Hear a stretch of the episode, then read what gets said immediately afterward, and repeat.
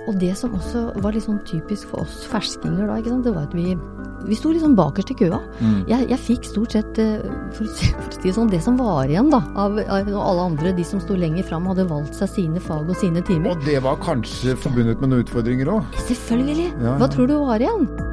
Fagbokpodden er laget i samarbeid med Gyldendal. Elin Birkeland Markestad, velkommen i studio. Tusen takk. Skrevet eh, fagbok eh, for fagfolk. eh, Veiledning i skole og barnehage. Innføring for deg som er eier, leder eller veileder i skole eller barnehage. Og det her handler jo om å Altså hvordan man skal veilede en nyutdanna lærer, ikke sant. Mhm. Men er ikke de, ikke, har ikke de fått det de trenger på lærerskolen? Er ikke de uh, klare ja, fit for fight? ja, ja det, kan du det kan du jo si, men, eh, men de er ikke det, altså. Eh, De, eh, de trenger noe mer. Eh, Som vi sier at vi må prøve å skape noen gode overganger mellom det å være student og det å bli en profesjonsutøver. Eh, og, og det er klart at på, når de driver med utdanning, så, så lærer de noe. De får veldig mye kunnskaper. Men det er den, her, eh, den praktiske delen som man ikke greier å, å rett og slett få nok av, da. Eh, og, og ha den her, det samarbeidet da mellom eh, utdanningsinstitusjonene, altså kunnskaps, eh, den litt mer teoretiske kunnskapsbasen, og det praktiske feltet er utrolig viktig. Og det er klart at i løpet av studietida så har jo studentene praksis. Altså de er ute i skoler og i barnehager og, og øver seg. Men det er en liten begrensa periode. Også veldig begrensa hva de får øvd på, og hvor mye de får øvd. Eh, og og noe, noe får man rett og slett ikke øvd på.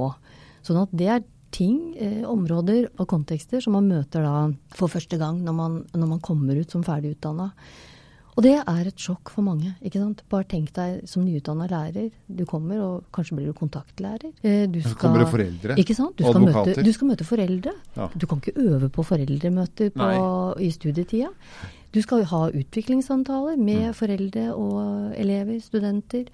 Eh, det kan du heller ikke øve på. Altså, det er veldig mange ting og, som både skaper redsel, frustrasjon eh, og en opplevelse av å kanskje ikke mestre, ikke sant, fordi at du ikke har vært i type situasjoner tidligere. Så, så det å da uh, kunne få lov til da, å faktisk være ferdig utdanna, uh, få lov til å fortsatt si at jeg skal utvikle meg som en profesjonsutøver. Jeg er ikke ferdig utdanna. Og det å få da litt god støtte, hjelp, altså i form av veiledning på veien, er utrolig viktig. Du begynte på å jobbe på ungdomstrinnet som lærer første gang i 1991. Mhm, Det er 28 år siden. mhm. Husker du selv, og har det i så fall noe sammenheng mellom det du har gjort nå eh, senere eh, på høyskolenivå, altså, og skrevet denne boken? Husker du selv når du på en måte når du ble bevisst på viktigheten av disse tingene? Husker veldig godt. Eh, og, og det reflekterer jeg litt over i den boka også, som jeg har skrevet. Eh, for jeg husker veldig godt min egen start. Eh, jeg var 23 år eh, og kom da eh, rett inn i ungdomsskolen med kontaktlæreransvar, og det var et sjokk. Mm. Og jeg husker òg at en, jeg husker også en opplevelse av at jeg ikke Jeg, jeg følte ikke at eh, jeg ble møtt med noe forståelse. Jeg, det var ikke noe som het veiledning av nyutdanna lærere den gangen. Ja, det var bare Og- fersking du som skulle var- lære deg ting så Du var som bare fersking. Og, og, og, og det som også var litt sånn typisk for oss ferskinger da, ikke sant? det var at vi, vi sto, vi sto liksom bakerst i køa. Mm. Jeg, jeg fikk stort sett, eh, for å, si, for å si det sånn, det som var igjen da, av, av alle andre, de som sto lenger fram, hadde valgt seg sine fag og sine timer. Og det var kanskje forbundet med noen utfordringer òg? Selvfølgelig! Ja, Hva tror du var igjen? Ja, ikke sant? Ikke sant? Det var jo det som da eh, ingen andre ville ha. Um, og Alt fra klassesammensetninger til Helt eh, riktig. riktig. Helt riktig. Jeg, jeg tror jeg var blekksprut. Du underviser i vanvittig mange fag. Du Mm. er innom nesten alt av klasser. Og, og får noen oppgaver som eh, eh, rett og slett er helt uhåndterlig sjøl for de med lang erfaring. Mm. Eh, og jeg har tenkt på det mange, mange ganger at eh, det var et under at jeg ikke slutta. Og jeg tenkte helt sikkert på det. Men eh, så, så var, er det jo veldig mye spennende og fint uh, i yrket, ikke sant? Ja, men for å vippe ut den andre veien Ja. igjen, da, Mm. si at men den herdingsprosessen, for å kalle det det eh, Altså, du kommer på en måte ut fra en ganske sånn trygt uh, høyskolemiljø, altså, hvor du blir lærer, og så blir du kasta ut i yrket, og så får du det på en måte midt i fleisen. Og så sitter du her da 28 år etterpå med, med mastergrad eh, og rektorutdannelse og eh, høyskolestilling og alt, og, og er fagbokforfatter på området. Hadde du vært det hvis ikke verden hadde vært så tøff mot deg? Hvis du hadde blitt veileder slik at det bare hadde vært digg, liksom? Ikke sant? Eh, godt spørsmål. Eh, og det er klart at det, det, den erfaringa jeg har med meg sjøl i kofferten, er utrolig viktig. Og det er jo veldig mye Jeg er veldig praksisnær. Jeg er praksisnær òg når jeg underviser og foreleser for mine studenter. For jeg, jeg tenker at eh, den kunnskapsteori må gå hånd i hånd med eh, praksisen. Det er et praksisfelt. Vi skal ut og jobbe i feltet. Det må omsettes på et Ikke sant, vis. det må omsettes, helt klart. Og, og mine egne erfaringer og den, den reisa jeg har vært på, har selvfølgelig forma meg som profesjonsutøver. Og gjort òg til at eh, jeg har sett at ah, her mangler det noe. Det er så viktig at man får den kompetansen. Og at de som er nyutdanna, blir løfta. Og at de blir løfta av folk som faktisk har, har eh, kunnskaper om hvordan man skal hjelpe dem. Ikke sant? Så det du sier er at ja, det var bra for Ja. Mm. deg å bli så hardt kjørt i starten, men du tror at flere vil få til bedre gjerninger og færre eh, elever slipper dårlige lærere hvis de faktisk får Ja, god veiledning? Ja, det er ingen tvil om det. Ja. Det Ingen, ingen tvil om det. Og, og det vet vi jo noe om, ikke sant. At de som mottar veiledning, de er kjempefornøyde. Og, og vi vet jo også noe om at eh, det å motta veiledning, det, det er å forebygge i forhold til at eh, mange forsvinner, da. For det har jo vært en utfordring i, i, i, eh, i både skole og barnehage. At de som er nyutdanna og kommer, de, de orker liksom kanskje et år eller to eller maks tre, og så blir man utslitt, og så forsvinner man. Så, så det er jo noe med at man skal holde på, holde på de dyktige, flinke folka som, som kommer, Som i utgangspunktet har lyst til dette. og som har lyst til det. ikke Ja. sant? De har valgt det. Hva, hva er det som er grunnen til at de har valgt det yrket her? Mm. Så, så det, er, det er en viktig del av veiledning. Men ellers så vil jeg jo bare si at det med det å bli veileda og det å utvikle seg som profesjonsutøver, det er jo en livslang prosess. Man blir jo aldri utlært. Sånn at eh, det å få, få den gode starten, og så kunne få lov til å videre og, og være med på den reisa, da, som, som jeg jo sjøl har opplevd, da. For det du sier der er vel For det er jo på en måte sånt, nærmest et sånt mantra i alle former for uh, profesjoner om dagen. Det er livslang læring. Helt altså at man, Ja, ja. eh, Mm. Samfunnet og alt endrer seg såpass mye at man er på en måte nødt til hele tiden å, å holde tritt med å være i forkant av det. Absolutt. Eh, men eh, nå, nå har jo liksom eh, myndighetene og andre satt noen sånne rammer for hvordan veiledning og sånt skal gis. Det er et, min, det er et minstemål uansett. Eh, hvor er det du føler liksom at du løfter det til et annet nivå da, enn bare det som på en måte står i myndighetsboka? Ja, altså målet mitt da med den boka her, det er jo først og fremst at den skal være At kunnskapen skal gjøres veldig tilgjengelig. Fordi at så mange nå blir eh, berørt av det, ikke sant. For nå har jo, som du sier, myndighetene de ønsker at alle nyutdanna lærere i barnehage og skole i Norge, hele Norges land og rike, skal få tilbud om å motta veiledning de to første årene de jobber etter at de er ferdig utdanna. Og det betyr jo at eh, noen kommuner har sikkert skolerte veiledere, andre har det ikke.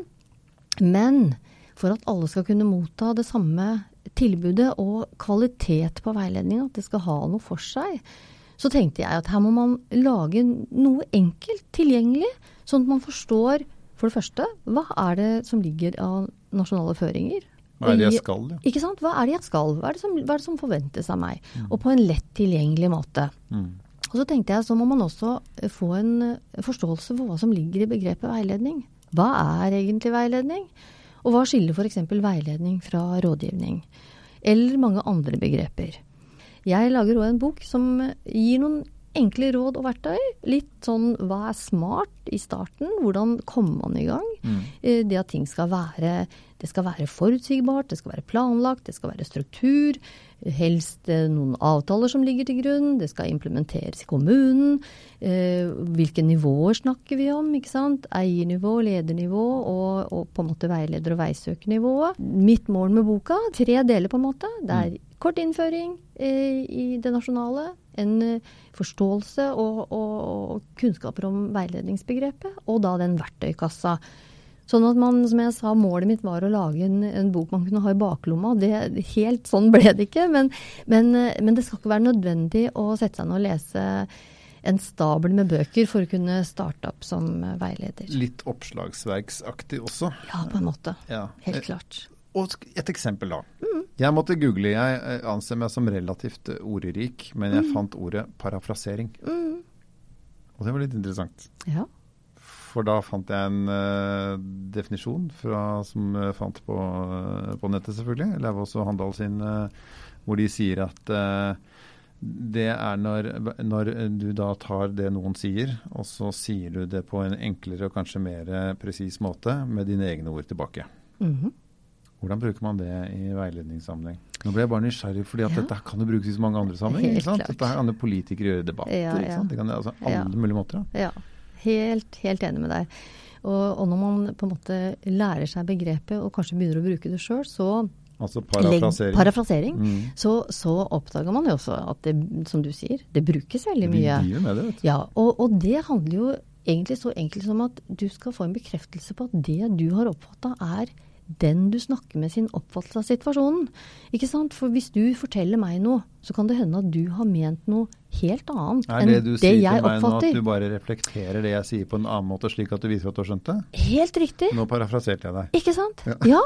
Sånn at du, du gjentar for å forsikre deg om at ja, jeg har forstått det du faktisk sier. Mm. For vi har jo et samfunn eh, som ofte jeg holdt på å si, går rett på mm, på, på konflikter, eller på, på, på smeller da, pga. misforståelser, ikke sant. Og fordi Og at, at man- og hvis vi sier 'har du skjønt meg', og jeg bare sier ja, Ikke sant? så har jeg på en måte ikke jeg har ikke sagt noe som gjør at du er beroliget Nei. på at jeg faktisk har forstått det. Helt riktig. Og, og kanskje da når man ikke sant, For misforståelser skjer stadig vekk, daglig. Det skjer på enhver arbeidsplass fordi man ikke eh, kommuniserer på, på et nivå hvor man faktisk forsikrer seg om at du har forstått det den andre prøver å si deg. Fordi at din oppfattelse av det den har sagt, kan være en helt annen enn det du faktisk da sier til meg. Mm. Så hvis du eh, sier til meg at eh, ja, eh, i, dag, i, dag så har jeg hatt en god samtale med en kollega, og han hadde tid til å stoppe opp og snakke med meg. Så sier jeg ja, du har hatt en god samtale fordi han hadde tid til å snakke med deg. Ja, nei, altså Han hadde jo ikke akkurat tid, kan du si da, men, men osv. Da har du også muligheten til å korrigere, ikke sant? Hvis jeg har misforstått, eller ikke helt fått med meg de poengene som du tenker er viktig, så kan du korrigere meg. Ok, og så kan jeg gjenta igjen. Ja, ja, sånn var det, kan du si. Det er på en måte en slags bevis på at vi har forstått, har forstått, har forstått Helt hverandre. Riktig. En retorisk bevis. Helt riktig. Sånn at man, eh, man eh, skal unngå misforståelser, unngå konflikter, og være helt sikker på at eh, det du sier og det du mener noe om, det er på en måte Det er ditt, og det er på dine premisser, ikke sant? Den eneste faren her er å høres litt terapeutisk ut. Ja, selvfølgelig. Ja! Og det er noen flytende overganger her. Så, så, Må gjøres med en viss finesse. Ja, ja. Og, og det er klart at veiledningsfeltet er jo veldig inspirert av terapifeltet, ikke Ja, sant? Og du er jo utdannet terapeut òg. Eh, ja da, eh, så, sånn at det er mye av den samme tenkningen, ikke sant. Men, men det med parafrasering, som du spurte om innledningsvis, det er veldig nyttig og kan brukes i veldig mange sammenhenger. Ja, det er, jo ikke sant, et verktøy. Dette er verktøy. Du har jo flere verktøy, men ett verktøy, Et verktøy. Ja. Et verktøy. Eh, Hva kjennetegner en god veileder? Hva slags person er det? En, en god veileder, det kan jo være eh, mange typer mennesker. Men det er noen, eh, noen, eh, noen, noen ferdigheter eh, som er viktige. Og eh, selvfølgelig egenskaper. Men, eh, men eh, jeg vil si at det aller viktigste du gjør som veileder, det er å lytte.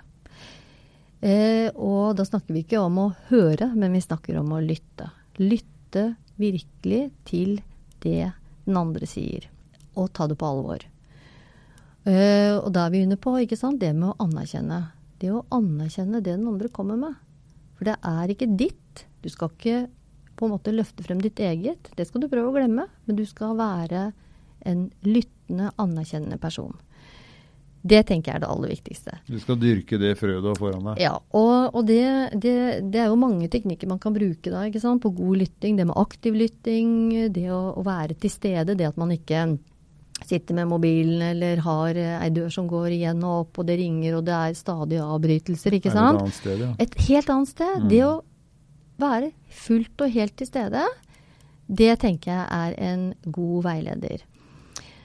Og så er det jo jeg håper å si, selvfølgelig mange mange ting som bygger seg opp på det. Dette her med å ikke sant, Etter hvert som man får erfaring, så stiller man gode spørsmål, og man blir rutinert på det å greie å komme raskt til kjerneproblematikker og hjelpe og løfte veisøker. Men, men jeg tenker sånn, eh, hvis en skal si det aller, aller viktigste helt til bunnen, så er det nettopp det med å lytte.